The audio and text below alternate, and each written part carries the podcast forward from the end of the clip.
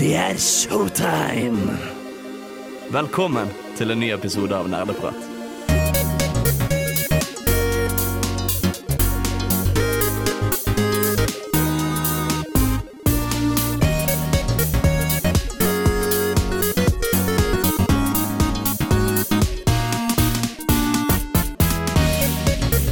Hallo og god dag, alle og enhver, og velkommen tilbake til en ny episode med Nerdeprat. Hurra! Vi er tilbake igjen i studio. Det er meg, Håkon Sundby, som er programleder, som alltid.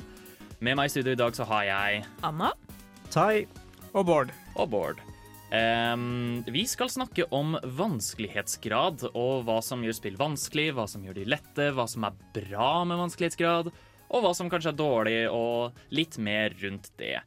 Ehm, men vi skal ikke gå inn om det helt ennå. Før det så skal vi høre hva vi har gjort siden sist, etter vi har hørt Pompoko med My Candidacy.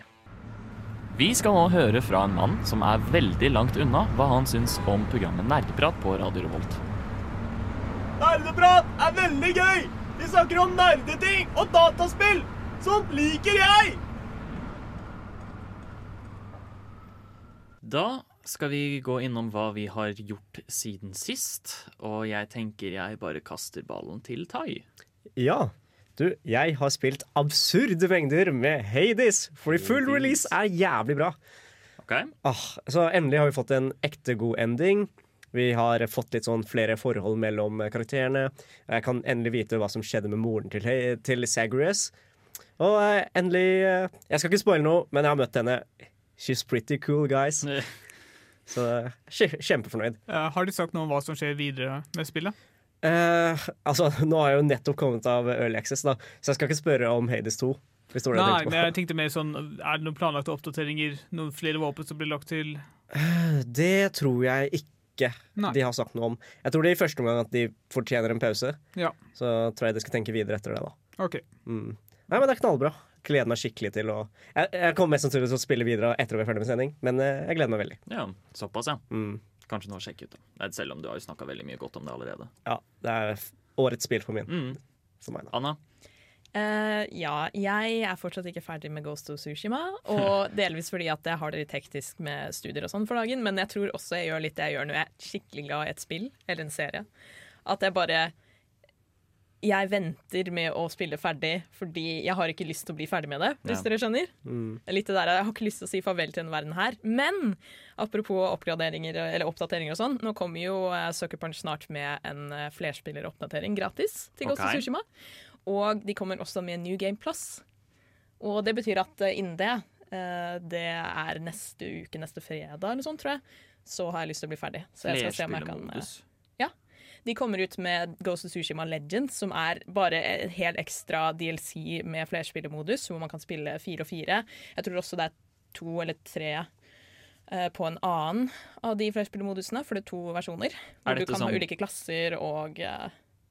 Er det typ at man slåss mot hverandre, eller er det Nei, jeg tror det er mer sånn raids, eller det med at man liksom ikke spiller PVP mot hverandre, men heller mot uh, bots, holdt jeg på å si. En felles fiende? Ja, litt mer sånn mytisk law og sånn, så du får litt mer sånn fantastisk følelse i, i eh, den delen av spillet. Men skal du spille gjennom en campaign, liksom? Eller Jeg vet ikke helt uh, ennå. Mener du flerspillere? Ja, flerspillere. Eh, Jeg får se. Jeg må finne folk å spille med. Hvis ikke det bare blir sånn random uh, teamsammensetning da, online. Mm. Men jeg gleder meg veldig, så nå må jeg prøve å, å gjøre ferdig det innen neste uke. Spennende. Bård? Jeg har fortsatt spilt mye Final Fantasy. Uh, utenom det har jeg vel hovedsakelig spilt uh, Luigi's Mansion 3. Kommet meg bitte, bitte litt videre gjennom uh, mellom alt annet jeg Mellom alt i Final Fantasy. Og har også oppdaget fryktelig irriterende vanskelighetsgrad i Luigi's Mansion. Okay. Og for så vidt også i Final Fantasy, når det skal sies. Når det kommer til en kamp, og så bare Nei, vi sier ikke noe som helst. Vi bare Du må finne det ut, og så prøver du forskjellige ting, og så bare Nei, fungerer ikke. Som jeg syns er litt sånn irriterende. Eh, Det er sånn irriterende når du liksom OK, jeg tenker ikke akkurat på like måte som de som lagde spillet på. Ja, altså Du liker best når de bare liksom eksplisitt forteller du gjør dette. Nei, ikke nødvendigvis eksplisitt forteller, men i hvert fall Luigi's Mansion, hvor du har veldig mange forskjellige ting, og det er ikke helt åpenbart. Ja, du skjønner at uh, den tingen her eh, beskytter mot uh, eh, lommelykten din, så du kan ikke stønne, altså, stønne den. Men, du men sugekoppen for å dra bort ting fungerer heller ikke. Så ok, hva har jeg igjen å bruke da?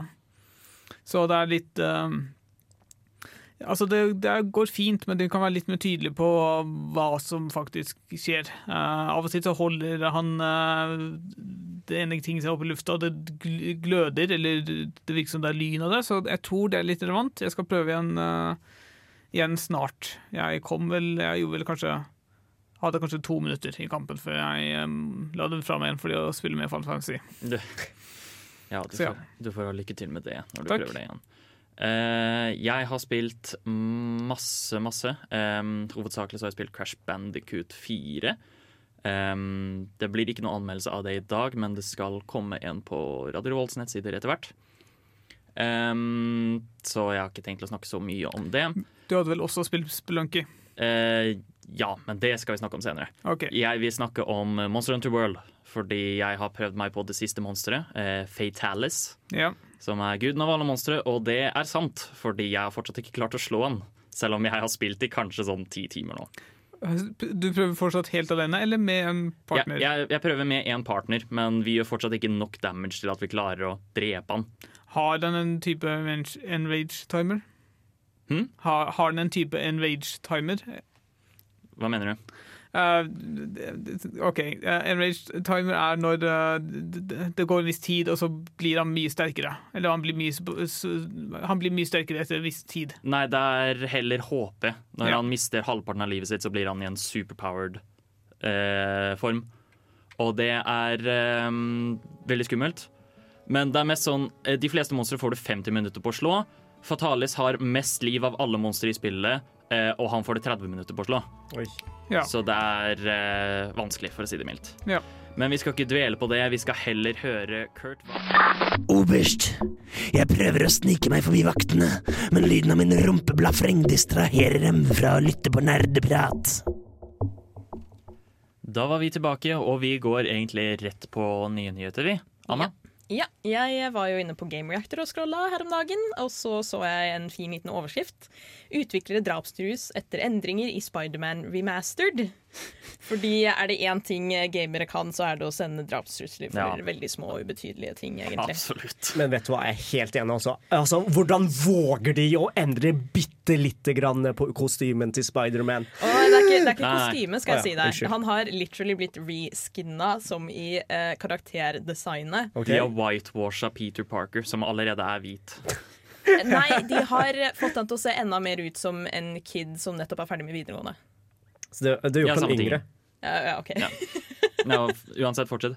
Ja, uh, fordi det er jo greia at i versjonen av det nyeste Spiderman-spillet som kommer ut, altså remasteren på PlayStation 5, uh, så la um, da selskapet ut et screenshot hvor de sammenligna Peter Parker sånn han ser ut i det spillet som er ute nå, og hvordan han vil se ut i neste versjon. Og der ser han ut som en total annerledes person, og mange har raga over dette og mener at nei, han ser altfor ung ut, og ja Det er veldig mye ubegrunna hat som har blitt sendt til utviklerne.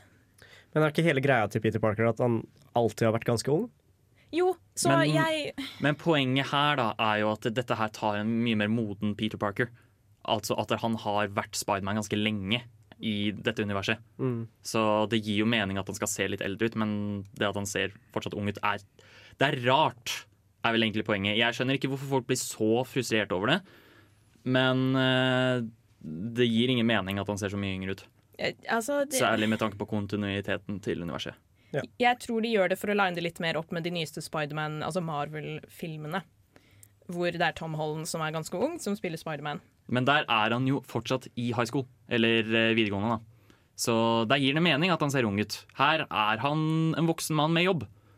Kanskje du vil gjøre han litt mer relatable for the kids? Ja, det er sikkert. Eh, uansett, jeg skal sitere gode Karl Marx igjen. Gamere er ikke undertrykket, men de fortjener å være det.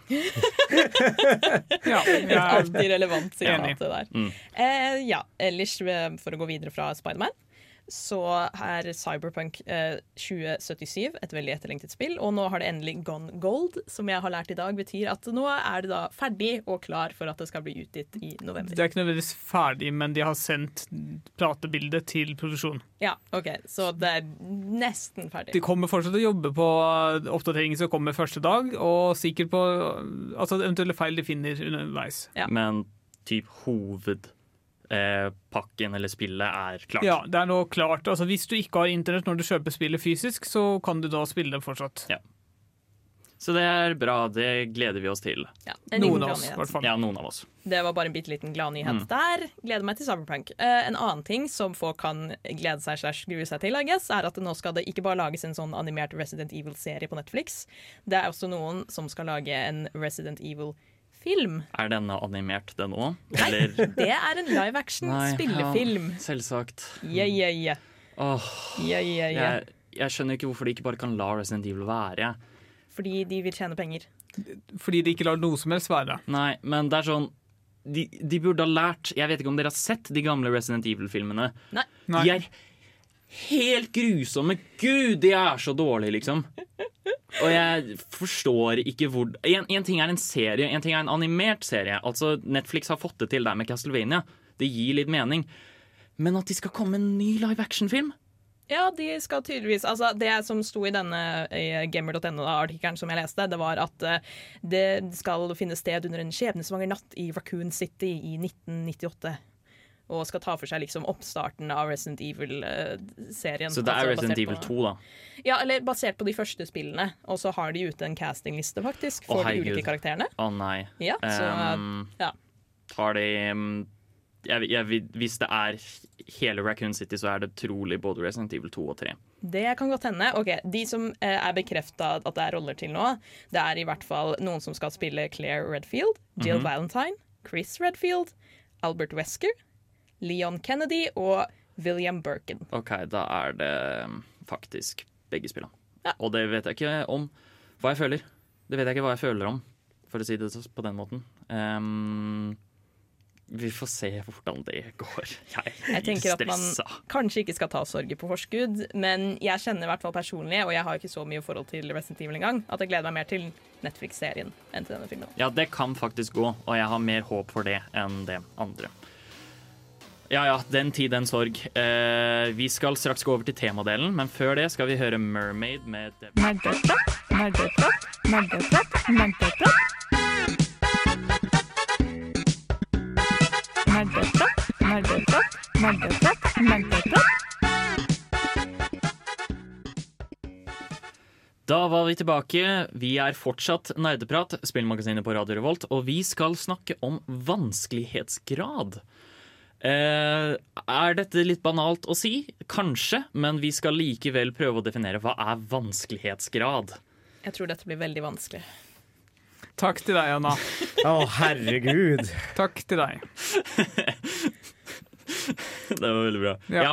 Er det noen som har lyst til å prøve seg umiddelbart? På hva, hva- hvordan skal man definere vanskelighetsgrad? Jeg tenker det kan være litt lurt å starte med liksom, okay, hvordan de første spillene gjorde ting vanskelig. da.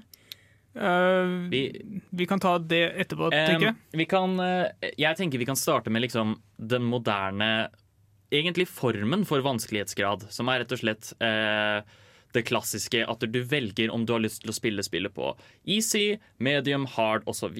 Ja. Og så kan jeg driste meg til en definisjon. Uh, Vanskelighetsgrad er vel tiden eller eh, hva skal jeg si, ferdighetene som kreves for å komme gjennom spillet. Mhm. Så lettere vanskelighetsgrader har som regel kortere tid eller kortere mindre ferdigheter for å komme gjennom, mens vanskeligere, vanskeligere vanskelighetsgrader har lengre Mm. eller høyere krav for å komme gjennom. De, jo, de har jo gjerne forskjellige typer vanskelighetsgrader, slik at spill blir mer tilgjengelig. Ja. Fordi da kan de som ønsker litt større utfordringer, fortsatt få noe ut av spillet, men de som kanskje bare har lyst til å oppleve det for historien, få også noe ut av spillet. Ja. Jeg føler at det er en ganske ny greie, egentlig, det siste der. Absolutt. ja. Med accessibility eller tilgjengelighet og sånn. Mm. Og det er også blitt ganske vanlig at utvikleren skriver 'det her er den du burde spille på'. Det er den vi har designa spillet rundt, og så kan vi velge da å gå enten høyere eller lavere enn den. Ja. Er det ikke litt sånn at hvis OK, i dag så kan det ofte, særlig i sånne historiebaserte spill, da, så kan easy mode bli betegnet også litt som story mode. Type sånn, det, Ja. er sånn, Hvis du bare vil oppleve den fantastiske historien som vi har designa, og du ikke har lyst på å liksom dø igjen og igjen, så Jeg- spill her. Jeg husker ikke hvilket det var, men det var eh, et spill som jeg har spilt, som hadde en modus som bare var rett og slett I denne modusen her så er det ingen combat encounters. Du får kun oppleve story. Jeg husker det også, men ikke hvilket spill det var. Eh, jeg er litt usikker der, men jeg vet i hvert fall uh, The Witcher hadde jo en sånn derre sword, and story mode. Og da er det ganske Ting dør ganske fort, altså. Mm. Witcher 3. Witcher 3. Ja, ok. Så um, jeg vet ikke om det er så mye mer å si.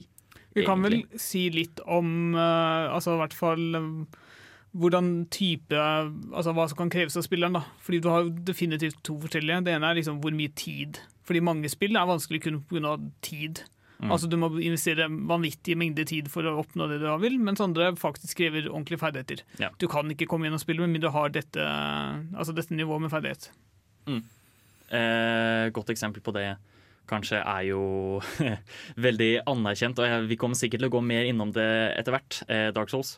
Ja. Ja. Hvor det rett og slett er sånn Klarer du ikke å følge rytmen til spillet, så kommer du deg ingen vei.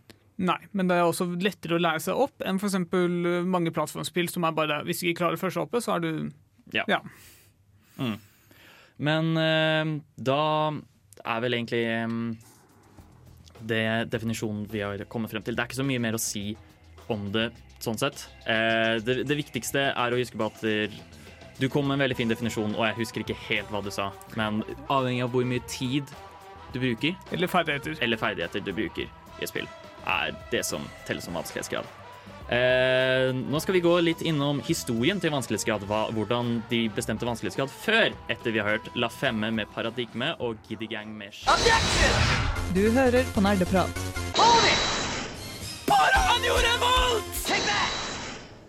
Nå skal vi ta et lite historisk innblikk inn i vanskelighetsgradens verden. Og vi hopper, så vi skal hoppe inn i tidsmaskinen. Tilbake til eh, det gode 80-tallet, hvor eh, arkademaskinene var den store nye trenden. Fin afro, Håkon. Eh, Var ikke det 80-tallet? Nei, jeg får, jo da, men jeg forestiller meg at jeg ikke hadde kledd afro så Du, godt. du har afro nå. Nei, Jeg har afro nå. Ja. Eh, det er så vidt jeg har på headsetet mitt, eh, men eh, det får gå. Ja. Em, uansett, på denne gode tiden her så var, arka eh, var arkademaskiner den kule nye tingen. Alle spilte Pacman, alle spilte eh, Space Invaders og alt det der. Og dette kosta jo penger, ikke sant? Mm. det var, de var ikke så veldig lange, fordi det krevde veldig mye tid å programmere og litt sånt. Så hvordan var det de løste dette? Hvordan skulle de få folk til å spille spillene? Eh, liksom ikke, ikke fullføre det med en gang, da. Jo, det var at de gjorde spillene vanskelig som faen. Har du noensinne spilt Pacman? Liksom ordentlig? Nei. Faktisk ikke. Nei? Nei. Det er skikkelig vanskelig. Altså. Det var det første survival horror-spillet. Jeg kødder ikke engang. Altså, du har jo spøkelser, men du er monsteret som går rundt og delvis spiser dem. Men der, eh, de har programmert inn spillet på en så sjuk måte, hvor de er sånn ehm, Spøkelsene lar deg på en måte være litt, inntil de plutselig er sånn OK, nå tar vi deg. Og da er de sånn eh, du, du bestemmer deg for å gå denne ene veien her, ikke sant? Fordi spøkelsene går ikke. Men så viser det seg at spøkelset visste at du skulle gå den veien her, så bare fanger de det. Men jeg tror ikke det er pga. programmeringstid. Jeg tror det er hovedsakelig fordi de ville lage vanskelige spill for Arkadehallene. Ja, men jeg, jeg tenker det også er fordi de skal tjene penger. Jo, altså igjen, uh, poenget mitt er bare at det tar lengre tid å programmere den funksjonaliteten du beskriver, enn Ja. å bare gå tilfeldig rundt. Ja, ja. Men det jo, gir jo mening, fordi hvis du blir ferdig med spillet, så har du ikke noe særlig insentiv til å spille på nytt igjen. Mm. Men gikk, eh, altså I Arkadehallene så var det vel hovedsakelig de som tjente penger fra disse maskinene, eller gikk noe videre til de som hadde lagd selve spillet nå? Jeg, jeg er jo ikke en ekspert på området, men enten så leier du inn en maskin, eller så kjøper du den. Sikkert. Ja. Så er det jo en greie også at hvis du, maskinen din har et vanskelig spill, så tjener det mer penger. Og da er det mye mer, folk mye mer villige til å kjøpe maskinen din. Mm. Hvis du blir kontinuerlig utfordret, så er du mer villig til å gi fra deg penger enn bare 'Å ja, det spillet har jeg tatt fem ganger allerede'. Det er ikke Ja. noe poeng. Makes sense. Så dette, og dette var jo egentlig en veldig sånn god trend på den tida. Eh, ta for eksempel så fort konsollen kom ut, eller det var jo konsoll før, var det ikke? Commodore? Det var Men- noen ganske tidlige konsoller, men, ja, men eh, ta NES-en som eksempel, da.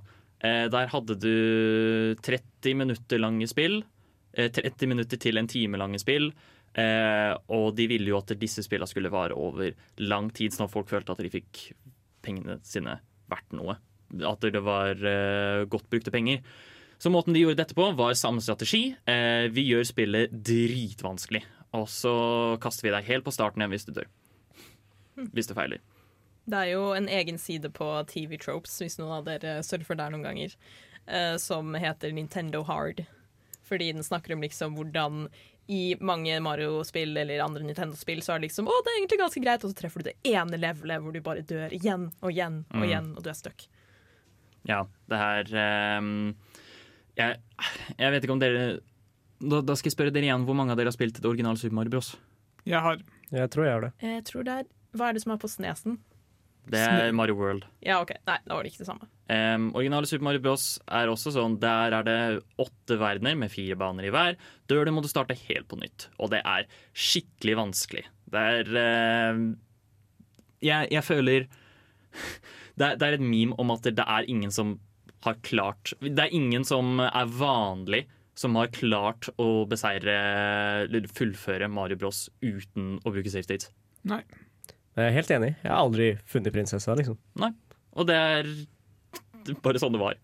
Det minner meg om, eh, Apropos Snesen, som jeg nevnte. da, Det var jo en tidligere romkamerat av meg som hadde et par kvelder hvor vi prøvde å komme oss gjennom eh, Mario World der, eh, men vi kom ikke lenger enn sånn fem-seks nivåer. Men det kan ha noe å gjøre med at vi drakk ved siden av. Ja. For hver gang vi døde, som var ofte. Mario World er jo egentlig ikke så vanskelig. Oi! Ja, men hysj nå.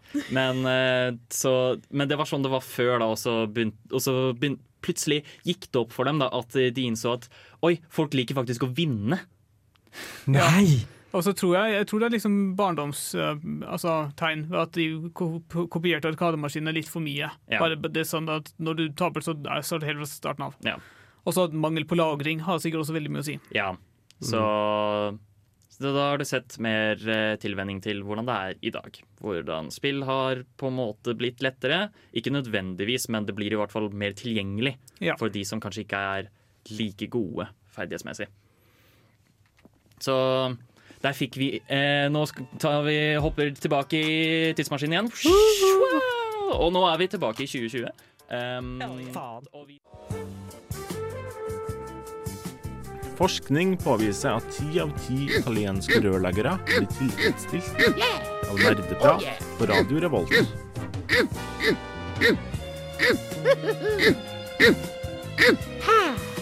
Radio Revolt. Marios favorite.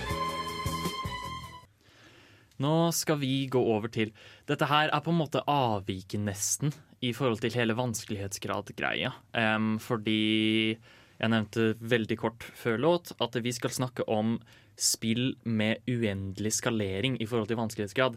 Ja. Dette går jo gjerne sånn um, For de av dere som har spilt Risk of Rain 2, for eksempel, eh, så blir spillet kun vanskeligere og vanskeligere inntil du dør i det spillet. Ja. Et annet godt eksempel på det er Diablo 3 sin Torment, eller noe sånt, som også kan visstnok gå helt uendelig. Mm. Så hvordan er, hvor setter man det, på en måte? Eh, I forhold til vanskelighetsgrad? Jeg, Jeg vet ikke helt. Det er jo for det første en veldig Altså, det krever veldig mye investering av tid. Mm.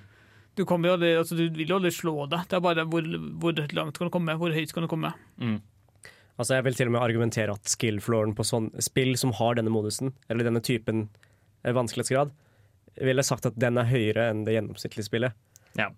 Rett og slett fordi når du først setter deg inn i det, så har du investert i minst en time. Ja, den får automatisk også veldig mye høyere skill ceiling, bare ved at det blir vanskeligere jo lenger du kommer, og jo lenger du spiller.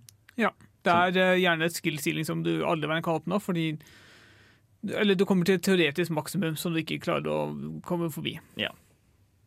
Eh, spørsmål. Spill som Crusader Kings og sånn, hvor du skal ta over land og regjere over så mye som mulig etter hvert, er det et eksempel på det? Fordi jo flere land du har eh, innenfor din si, ditt kongerike, eller hva man skal kalle det, jo vanskeligere blir det å holde styr over, og at det ikke er noe endgame. Jeg vil si nei, fordi du Altså, det er en Eller jeg har ikke spilt spillet, men jeg antar at det er samme som i Civilization, hvor du har vanskelighetsgrader. Liksom veldig godt definerte vanskelighetsgrader. Og hvis du spiller på maks, så spiller du på maks. Da er uh, den kunstige intelligensen så vanskelig som det kan få. Og hvis du klarer å se det, så er du ferdig. Det kan liksom ikke bli vanskeligere enn det. Mm. Jeg vil også si at det er nei, fordi det er bare så mange land. Og så Ja, Det blir ja, jo ikke det, uendelig. det er sant, det er ikke uendelig. Mm. Jeg bare tenkte du kan fortsette å spille det ganske lenge, på en måte. Ja, men da tror jeg det går over til sandbox, og ikke uendelig scaling. Ja, ja OK. Ja, okay. ser den. Så Ja, den var litt uh, vrien, men det var bra. Ehm, skal vi se. Men, vi, men ja. ja. jeg hadde et spørsmål igjen. Sorry. Når dere nevnte Risk of Rain, hva er det der som gjør at der er det uendelig? Er det bare at den kommer til at spillet genererer fiender som skalerer vanskelighetsgraden sin og blir sterkere og har mer HP og sånn, etter hvert som du spilt lenger og lenger? Ja. Eller? Nøyaktig det. Det er rett og slett uh, Det starter relativt rolig. Um, jo lengre tid du bruker i hvert nivå du har, Det er på en måte et slags meter, da. Hvor det er forskjellige vanskelighetsgrader utover meteret. Og så beveger den seg sakte, men sikkert mot vanskeligere vanskelighetsgrader jo mer tid du bruker. Oh, ja. Som vil si at eh, du vil Og hver gang du går til et nytt nivå, så hopper den litt frem. Som vil si at eh, du vil bruke så lite tid som mulig på hvert nivå før du går videre, sånn at du kan ja, få lettere vanskelighetsgrad inntil du kommer til et nytt nivå. Men på et tidspunkt så bare slutter den em, og bytte til forskjellige vanskelighetsgrader, og så bare går den uendelig. Ja, men det blir allikevel vanskeligere. Em, og da er det bare sånn Skjermen din blir rett og slett full av enormt mange fiender. Og ja, inntil du dør. Så det blir basically bare et bullet hell Ja. til slutt? Det er Ja. Mye verre enn Bullet. Å okay. oh, ja, herregud. Det er, okay. uh, du skal ha en kraftig PC for å kjøre Risk Green 2. Altså. Ja. Mm. Altså hvis du står stille i et halvt sekund, så er det sånn der skjermen din eksploderer, og du er død. Og du vet egentlig ikke helt hvorfor. Så det er flere fiender, men ikke nødvendigvis sterkere fiender. Jo, Jo, det er jeg det tror også. det òg. Mm. Ja, det Eh, gjør mer damage. Ja, siden det er både HP-scaler, damage-scaler og antall-scaler. Og så er det mm, Du har også en type fiende som kalles elites. Mm. Som vil si eh, de, de er rett og slett sterkere enn vanlige fiender. Og ved høyere vanskelighetsgrad så spåner flere elites. Ja, og så har de, sånn, de har sånne ekstra egenskaper som ikke finnes Ja. til vanlig.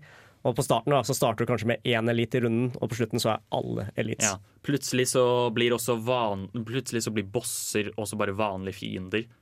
Eh, så det er en helt egen type rus, nesten, om man skal kalle det det. Mm. Eh, egen joyride å spille sånne spill. Ja. Fordi du vet du kommer til å dø. Det er bare å se hvor lenge du klarer å holde ut, og herregud, det blir stressende, i hvert fall. Det er jo som det meste annet, hvor du liksom kan nesten for, foregå uendelig. Det er bare hvor, hvor langt kommer du. Og så er det veldig godt og kjent, og det er ja, greit å ha noe du har kjent til fra før av. Ja, det stemmer. Så um, det finnes jo mer, men uh, nå brukte vi Rescreen 2 primært som eksempel, fordi det passer så utrolig bra inn. Og Diablo 3. Og Diablo 3. Um, vi skal uh, straks gå over til et litt sånn dristig, spennende diskusjonsspørsmål om det finnes en riktig vanskelighetsgrad etter vi har hørt Barcelona med mens... Dab, dab, dab,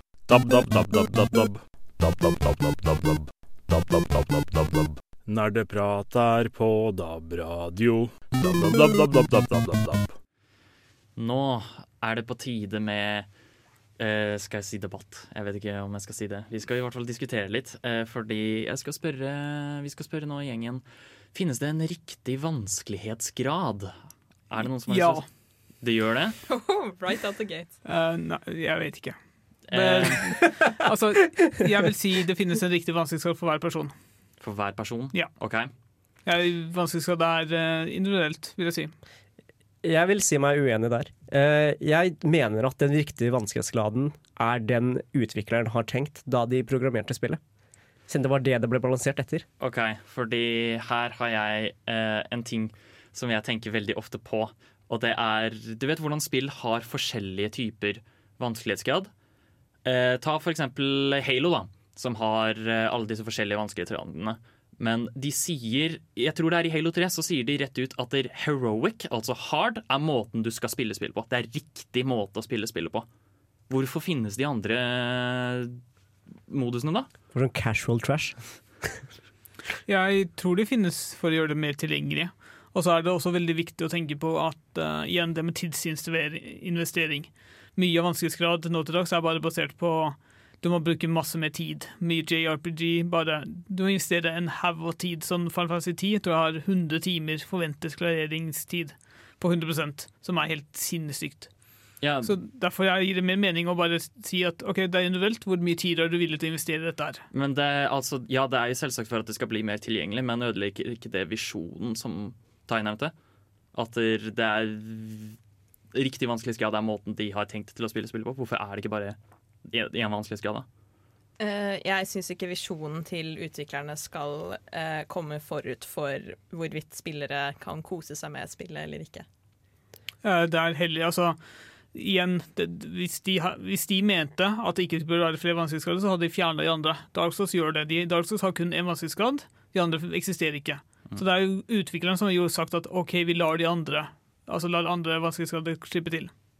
Men jeg, altså jeg mener at bare fordi utvikleren har ment å gjøre det en rikt, eh, at det finnes en riktig vanskelighetsgrad for spillet, betyr ikke at du må spille som utvikleren vil. Det er bare at dette er den vanskelighetsgraden som spillet er tilpasset. Hvis du ikke liker det, spill det på en annen igjen. Det er ikke noe verre enn det.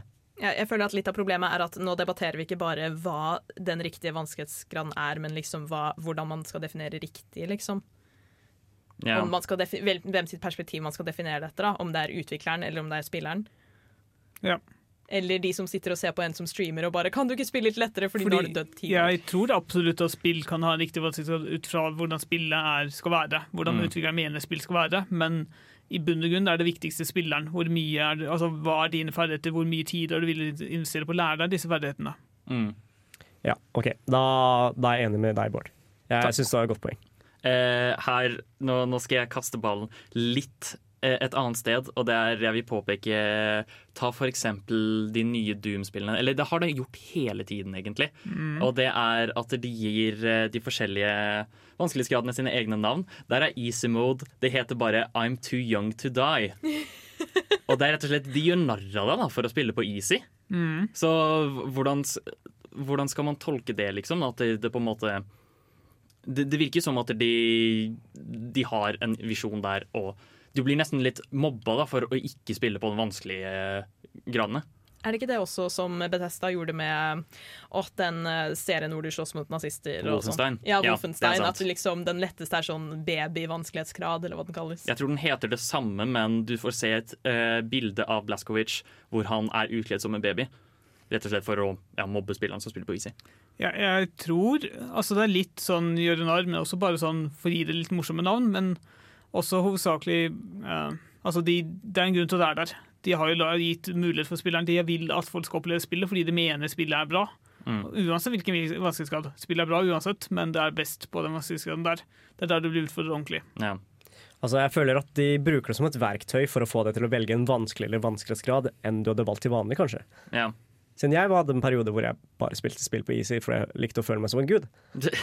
Det er jo blant ut det jeg mener. Men uh, altså, senere, når de begynner med sånne ting, så føler jeg at det er kanskje litt greiere å spille på en, en spillmodus på en vanskelighetsgrad hvor jeg ikke blir kalt en baby. da. Ja, fordi jeg er eh, Jeg har innsett det også ganske nylig, at jeg vil helst bli utfordret når jeg spiller. Jeg vil gjerne, altså for eksempel i Dark Souls, jeg vil heller bruke mer tid på å komme inn i spillet og faktisk få ordentlig tilfredsstillelse av å spille, enn å bare velge det lette alternativet. Mm. Fordi det tenkte jeg også på, og det er eh, nettopp dette med i forhold til riktig vanskelighetsgrad og spill som ikke lar deg velge vanskelighetsgrad. Sant? Eh, ta for eksempel om vi går innom dette med skill sealing og alt det der igjen. eh, om du tar Mario 64, som jeg liker å ta opp ganske ofte. Ja. eh, det spillet er veldig lett tilgjengelig, og det er ikke så veldig vanskelig, men folk går til town på hvordan de fucker rundt med det spillet. Ja. Og det mm, Og det er litt sånn um, men, men jeg koser meg likevel. Men på en annen side igjen, jeg liker også å bli utfordra. Og da jeg spilte gjennom f.eks. Control, hvor de ikke lot meg velge vanskelighetsgrad, Ja. så merka jeg at det ble litt for tregt for meg, fordi jeg syntes ikke det var vanskelig nok. Og da er det jo litt sånn hvorfor valgte ikke de å på en måte gi meg muligheten til å velge vanskelighetsgrad? Så finnes det en riktig en? Da tror jeg vi blir enige om nei, i så fall. Det er opp til den enkelte. Ja, det Jeg vet ikke om vi har blitt noe klokere. Kanskje. Eh, Jeg er fortsatt usikker på hva jeg mener. Jeg syns dere hadde godt poeng, da. Eh, Vi skal snakke om det vi syns er god vanskelighetsgrad, etter vi har hørt Someone Special med Anna Bnor. Du lytter til Nerdeprat fra Radio Revolt. You're listening to Nerd Talk from Radio Revolt. Vi skal gå over til eh, det vi syns er god vanskelighetsgrad, altså gode eksempler. Eh, gjerne trekke fram noen spill som vi syns utfører dette ganske bra. Eh, er det noen som har lyst til å begynne? Kan jeg komme med en ganske kontroversiell en, som jeg er litt usikker om du er enig på? OK. Dark Souls. At de utfører god vanskelighetsgrad? Ja. Jeg er enig i det, jeg. Ja. Jeg også. Ja, siden måten de, jeg syns måten de utfører vanskelighetsgraden på, der er gjennom classes. Og du kan jo velge en class som, som mage som er ganske lett å spille og forholdsvis OP. Eller så kan du velge noe fucka som fordi en Ta- du, være, du skulle bare slutte å snakke. Ja. Nei, Eh, det er, er, der- men det er derfor jeg sa Classes eh, betyr egentlig ingenting. Og det er fordi det, det eneste classes bestemmer, er hva du starter med, og litt av hvordan skillsa dine ser ut tidlig. Og mage er ikke lettere enn uh, melee, for jo, eksempel. ja, altså, Hvis du går med Hva, hva heter de der hanskene? Hephaestus eller noe? Hephaestus eller noe? Faestus? Det er, sånn de, det er sånn Du kan bokse gjennom spillet hvis du vil. Ja. Det gjør det jo definitivt vanskeligere. Ja, Men ikke med ordentlig sverd. Nei. Um, sorcery var ikke eh, ødelagt før i Dark Souls 2. Ja. Da, og, da, og da var det absolutt Da var det helt Eh, ødelagt. Flamme var litt ødelagt i eneren, men det var Ja. fordi det var kombinert med andre ting. Mm. Men, eh, men der også var det egentlig best tidlig. Ja. Um, men ja, Dark Souls gjør det egentlig ganske bra med vanskelighetsgrad. Og det er rett og slett fordi jeg føler, alt, jeg føler det beste med Dark Souls er at det er veldig straffende, men det er veldig sjelden spillets feil. Ja. Det lærer deg å spille på en veldig god måte. Mm. Altså, Du kan gjerne anklage det for å være for vanskelig for deg, men det, altså, igjen, du må være opp til person til person. Men det er også et spill som er veldig flink til å lære deg hvor du unngår feil. Mm. Jeg syns en av definisjonene på hva som er god vanskelighetsgrad, burde være uh, hva slags følelse av mestring du kan få ut av den. da. Og det virker som at Dark Souls er et av de beste eksemplene Åh, på absolutt. at når du først får til noe, ja, det er vanskelig, du må prøve igjen og igjen, men når du først får det til, så gjør det virkelig at du føler at nå, nå kan jeg eie dette spillet her. Helt Men- til du møter på neste boss, da, så klart også. Det, det fungerer liksom at det spillet er så straffende fordi som regel så lærer du noe når du dør. Det, hvis du dør til en boss, da så lærer du OK, jeg, kan, eh, jeg må rulle denne veien for å dodge dette angrepet, ikke den andre veien. Og så husker du det til neste gang, og så gjør du det litt bedre. Kanskje klarer du det. Mm. Og det syns jeg er kjempebra. Eh, et annet spill som jeg syns gjør det ganske bra, er eh, Hades. Spiller jeg helt opptatt av for tida. Ja. Eh, der er det slik Det er jo et roguelite-spill. Så etter at du greier det første gang, så får du liksom muligheten til å gjøre noe, skru på noe som heter Pacts of Punishment. Og det gjør det sånn der Da kan du skru på forskjellige ting da, som fiendene dine kan gjøre, så kan du justere hvor vanskelig spillet er. Er det sånn New Game Plus-mode? Det er basically New Game Plus mode, sånn cirka. Men du kan vel også underveis bestemme litt om du vil ha ekstra liv eller ekstra gjenopplivinger, sånne ting. Det, det er vel ikke underveis, det velger du i forveien. da Det er perks du vinner Jo, men underveis om du lå, kommer, deg, altså, kommer lenger og lenger inn i spillet. På hvert forsøk så kan du si 'nå vil jeg ekstra liv', 'nå vil jeg ekstra sånne ting'. Ja. Du kan selv bestemme hvordan du, altså, hvordan du får produksjon i spillet, som er veldig bra. Ja, eh, det var det neste poenget jeg hadde lyst til å trekke fram. Da. Det var det at god vanskelighetsgrad er eh, i spill hvor det er lagt opp til så detaljert som mulig at du kan tilpasse det etter hva du selv har lyst til å ha med. Ja. For eksempel så har jo Naughty Dog vært veldig flinke på det i eksempel Uncharted 4 og i nyeste The Last of Us-spillet. Så har de lagt mye arbeid inn i OK, du kan tilpasse ikke bare sånn aim assist, sånne ting som er i mange andre spill, men tilpasser spesielt spillene sine for folk som har eh, begrensa bevegelighetsevne liksom, i real life og sånn, kanskje, og, og da kan ha litt høyere skill floor, hvis jeg kan si det. Eller kan finne ting vanskeligere som andre tar for gitt. da. Mm. Og så tilpasse det til eh, hva slags vansker man kan ha i virkeligheten også, i tillegg til hva man møter på i spillet. Jeg vil også ha lyst til å nevne Witcher 3, som jeg mener er veldig bra. Bare fordi du har valget mellom å Jeg vil ikke ha så mye kamp, jeg vil bare oppleve en fantastisk historie. Eller du vil at hver eneste kamp er en uh, nervepirrende tre minutter. Mm. Mm. Um, jeg er også litt der hvor uh, jeg, Det er veldig vanskelig å finne på en måte den perfekte vanskelighetsgraden til et spill, syns jeg. Um, og det er fordi det er jo så vilt forskjellig eh, hva man syns er vanskelig, og hva man syns er lett. Og særlig da eksempel Og du må finne da en fin liten sånn balanse mellom det å være tilgjengelig, men heller ikke veldig frustrerende. Og ja, det er ikke alltid like lett. Mitt favoritteksempel her er nok eh, egentlig Donkey Kong Country. Og det er rett og slett fordi det er eh, en ganske OK opplevelse, og så treffer du noen par difficulty bumps underveis. Og så er det, Men generelt er det ganske stigende. Det er rett og slett sånn, Jo mer erfaring du får, jo vanskeligere blir det. Som matcher ja, din progresjon. Ja. Um, nå har vi snakket om god vanskelighetsgrad. Snart skal vi snakke om dårlig vanskelighetsgrad etter vi har hørt 'Kill Them With Kindness'. Halla, snupper! Vil du være med og høre på nerdprat, eller? OK, her kommer vi! Da var det på tide å slakte industrien for uh, hva de gjør um, dårlig når det gjelder vanskelighetsgrad. Vi har sånn priset veldig mye. Nå skal vi være litt slemme. Selv om det er jo egentlig veldig mange som kanskje mener det samme som oss akkurat her. Ja, Men eh, vi skal ja, komme med noen dårlige vanskelighetsgrader som vi, altså vi syns er dårlige. Eh, kjapt spørsmål før jeg begynner. Er det en sånn egen kategori for vurderinger på Steam? eller sånt? At man kan liksom bare Jeg likte dette, dette, dette spillet, og så kan man vurdere også sånn vanskelighetsgraden. Sugde eller var Det tror jeg ikke. Nei, det tror ikke jeg heller. Jeg syns det burde være en greie. Ja. Det, ja, egentlig. Um, ja. Men det definitivt OK, jeg bare starter. jeg. Uh, det, det definitivt verste trikset i boka på å øke vanskelighetsgrad, vil jeg sagt er å øke håpen. ja. Ja. Det er uh, veldig vanlig å bare øke um, HP og uh, mengden fiender og kanskje an mengde damage de gjør. Ja. Og det er jo egentlig ikke sånn veldig bra løsning i det hele tatt. Eh, Da vil jeg komme med Bungie sitt Destiny som eksempel. Eh, I de siste årene så har de blitt flinkere på å ta til seg brukerkritikk og sånn, da, og gjort ting mer variert plattformervis og når det kommer til fiender og sånn.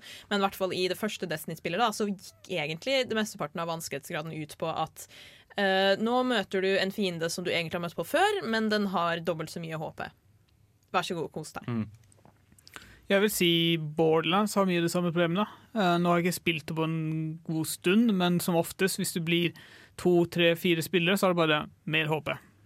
I alle Borderlands-spillene, eller bare et av dem? Jeg husker ikke. Pro Eh, Uansett, Problemet med dette da er jo at veldig mange av disse spillene blir ikke nødvendigvis så veldig mye vanskeligere. Det bare tar lengre tid. Ja. Ja. Det tar lengre tid. Ja.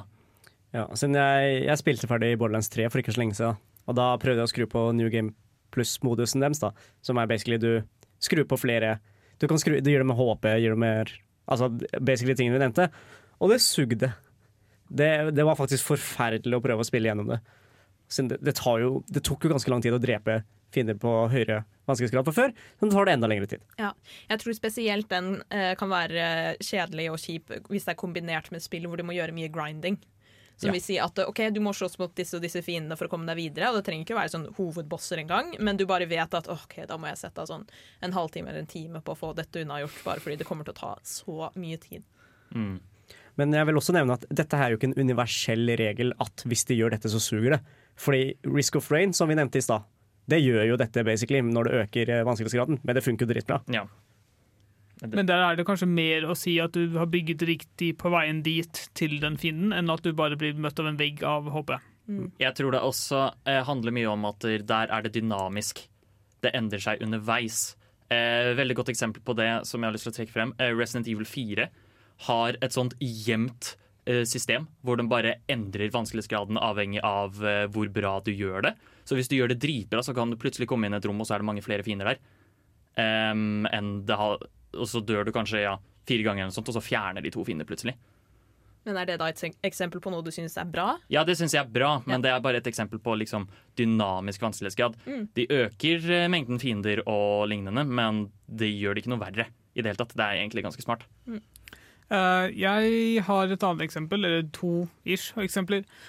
Jeg hater spill som forventer at din logiske tankegang skal være en spesifikk måte. Uh, Luigi's Mansion er mitt nyeste eksempel. Det er fortsatt et fantastisk bra spill. Det er bare av og til hvor det bare Hvordan i verden gjør dette? Og så bare poff. Det er åpenbart. Det andre er eksempel Ace Attorney.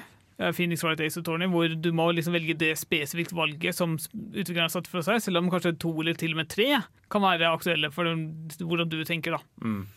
Som jeg bare hater, fordi det gjør det Ja, det er irriterende. Akkurat Ace Attorney er også veldig frustrerende der, med tanke på at det kan hende du ser liksom Å, her sa du noe som ikke stemmer med beviset, men det var egentlig ikke meningen at du skulle finne det ut ennå.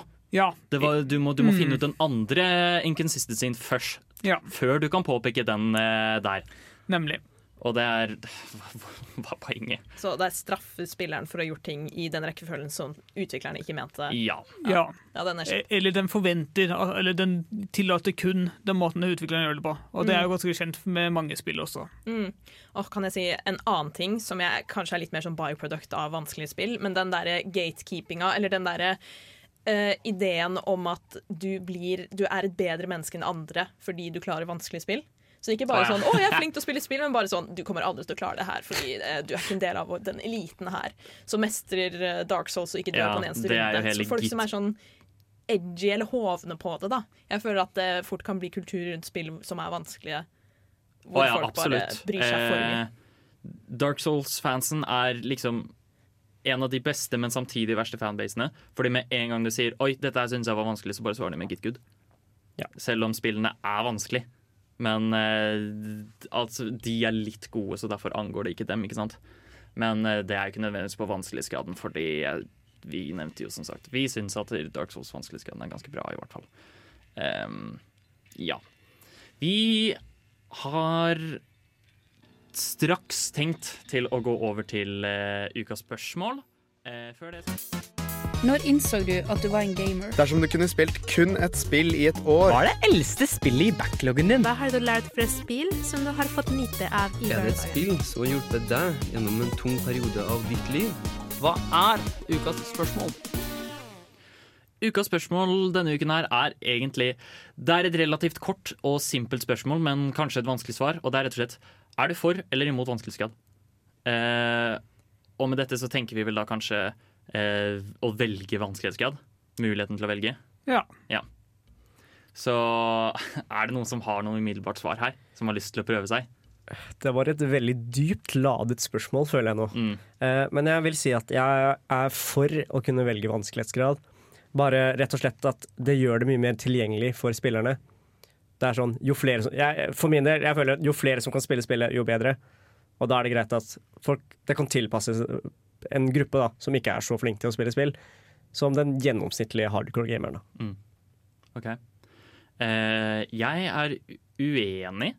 Eh, jeg syns at eh, det ikke skal være noe vanskelighetsgrad, og det er fordi jeg mener selv at em, det å bare liksom Å, dette her er vanskelighetsgraden til spillet.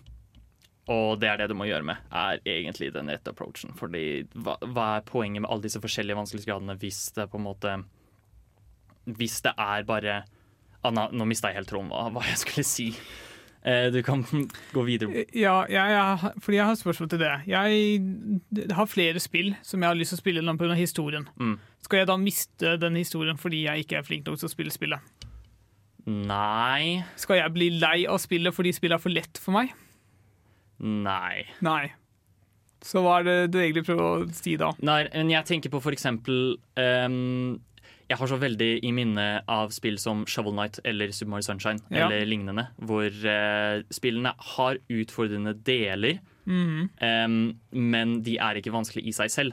Du vet akkurat hva vanskelighetsgraden kommer til å være, og du vet hva du begir deg ut på. Jeg mener også at det er enkelte spill som bare ikke er for alle. Ja. Så Og at vi Og at det da er altså, Så trist som det er, så Ta for eksempel Dark Souls. da Det er, Jeg føler ikke du går glipp av så veldig mye storymessig Nei. av å spille det spillet. Det er derfor jeg også mener med Dark Souls så går det helt fint. Yeah. Men for eksempel, jeg vet ikke hvordan historien er i kontroll, men hvis kontrollhistorien er bra, så har jeg lyst til å oppleve den i den vanskelighetsgraden jeg har lyst til å oppleve den i. Mm. Men nå har jo ikke Control muligheten til å endre på Nei, vanskelighetsgrad. men det er et eksempel på et spill jeg har lyst til å oppleve i min egen vanskelighetsgrad. Ja. Mm. Ja, for eksempel, jeg tar opp The Witcher 3 igjen. Fordi Der tenkte jeg at storyen her er såpass bra. Hvis jeg ikke greier å spille spillet på normal, så hadde jeg bytta til Sword and Story.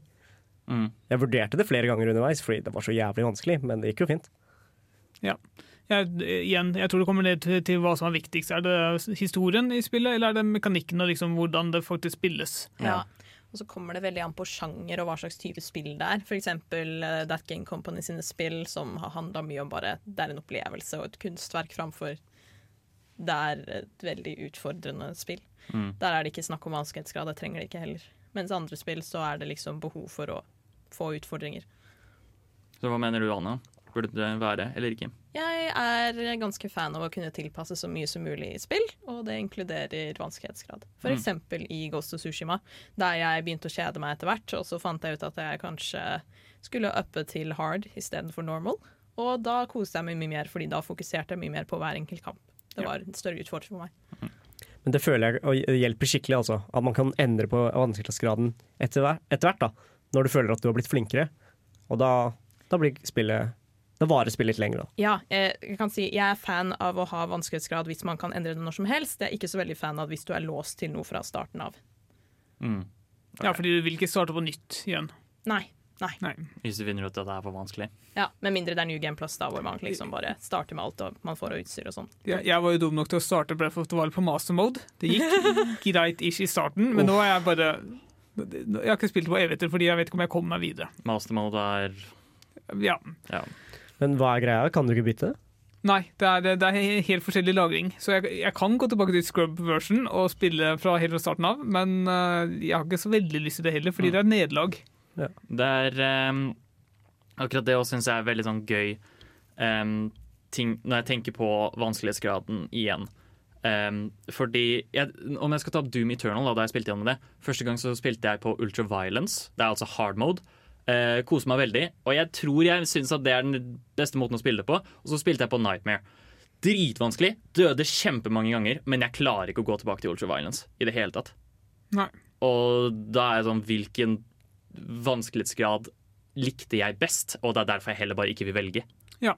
Men det er også noe med at du liker mer utfordring enn å Ja.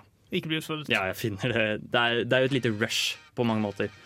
Eh, vi skal straks høre noen anbefalinger etter vi har hørt Mallgirl med Radida til bardaga. Ja! Ra ra radida. Ja! Vil til bardaga. Nerdeprat på Radio Revolt! Ja! Vi har snakket mye om vanskelighetsgrad, og nå tenker jeg at vi skal gå litt videre og anbefale noen spill i forhold til dette med vanskelighetsgrad. Um, jeg skal i hvert fall det. Dere kan gjøre som dere vil, men uh, Og det er fordi vi har ikke snakket noe som helst om det ennå, men jeg vil gjerne snakke om Spelunky 2. Eh, det kom ut på PC den 29. september, så for to uker siden cirka. Og det er uten tvil det vanskeligste spillet jeg har spilt i hele mitt liv. Herregud. Det er grusomt vanskelig og ekstremt straffende, men det er også det mest givende spillet jeg har spilt noensinne. Fordi det er vel ikke bare mekanisk vanskelig, men også masse hemmeligheter man enten har fra forrige spill, men også kanskje nye. Ja. Eh, Jeg har ikke klart å finne alle hemmelighetene ennå, men eh, poenget er rett og slett at det, det, er mest mekanisk vanskelig, da, men eh, hver eneste gang du dør, så føler man jeg, jeg har aldri følt at det var noen andres feil enn min egen. Men Håkon, hva er Spelunky 2? Spelunky 2 er Hvordan skal man beskrive det? Det er en rogelike eh, hvor du styrer en liten gruvefarer som skal gå ned i en hule og finne skatter, Ja. rett og slett. Um, og da har du en liten sånn hule som du navigerer um, på hvert nivå, og så må du finne veien til neste nivå, på en måte. Ja, så, altså jeg, jeg ville beskrevet Spelunky 2 som en eh, Er det en platformer? Er det riktig? Ja. Ja. Ja, det er veldig plattform, ja. Men litt mer kamp. Mm. Der, og så er det feller overalt, og du må vite hvor alt er. Og så hver gang du dør, så lærer du noe nytt, føler Ja. jeg. Så Beste form for spill. Det er faktisk et mesterverk. Ja. Uten Men tvil. du, ne du nevnte også at du syntes det var kjempevanskelig. Hva er det som spesifikt gjør det vanskelig? Det er rett og slett eh, du, du, Altså, gjør du én feilvurdering, så dør du. Er poenget. Så du må egentlig være nesten helt perfekt. Plutselig også så blir du truffet av en eller annen sånn tullete muldvarp. Og så er det sånn Å, nå ble jeg knocka ned hele stedet, og så falt jeg tilfeldigvis på en pigge. Ja. Men det var min feil, for jeg ble knocka av muldvarpen. Ja. Så um, ja.